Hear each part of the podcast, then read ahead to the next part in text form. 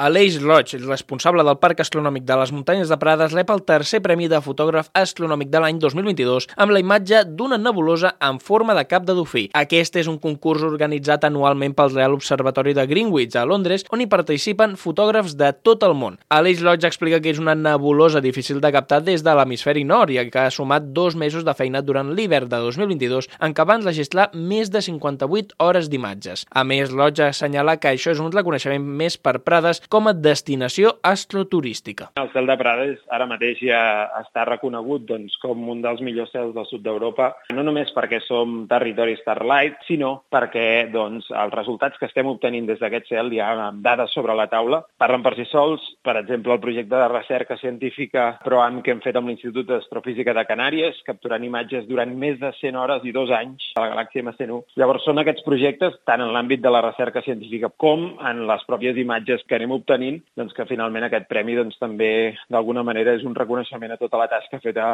doncs, els últims anys. Per altra banda, Lodge també agraeix a l'Ajuntament de Prades la feina feta en els darrers anys per recolzar el projecte del Parc Astronòmic.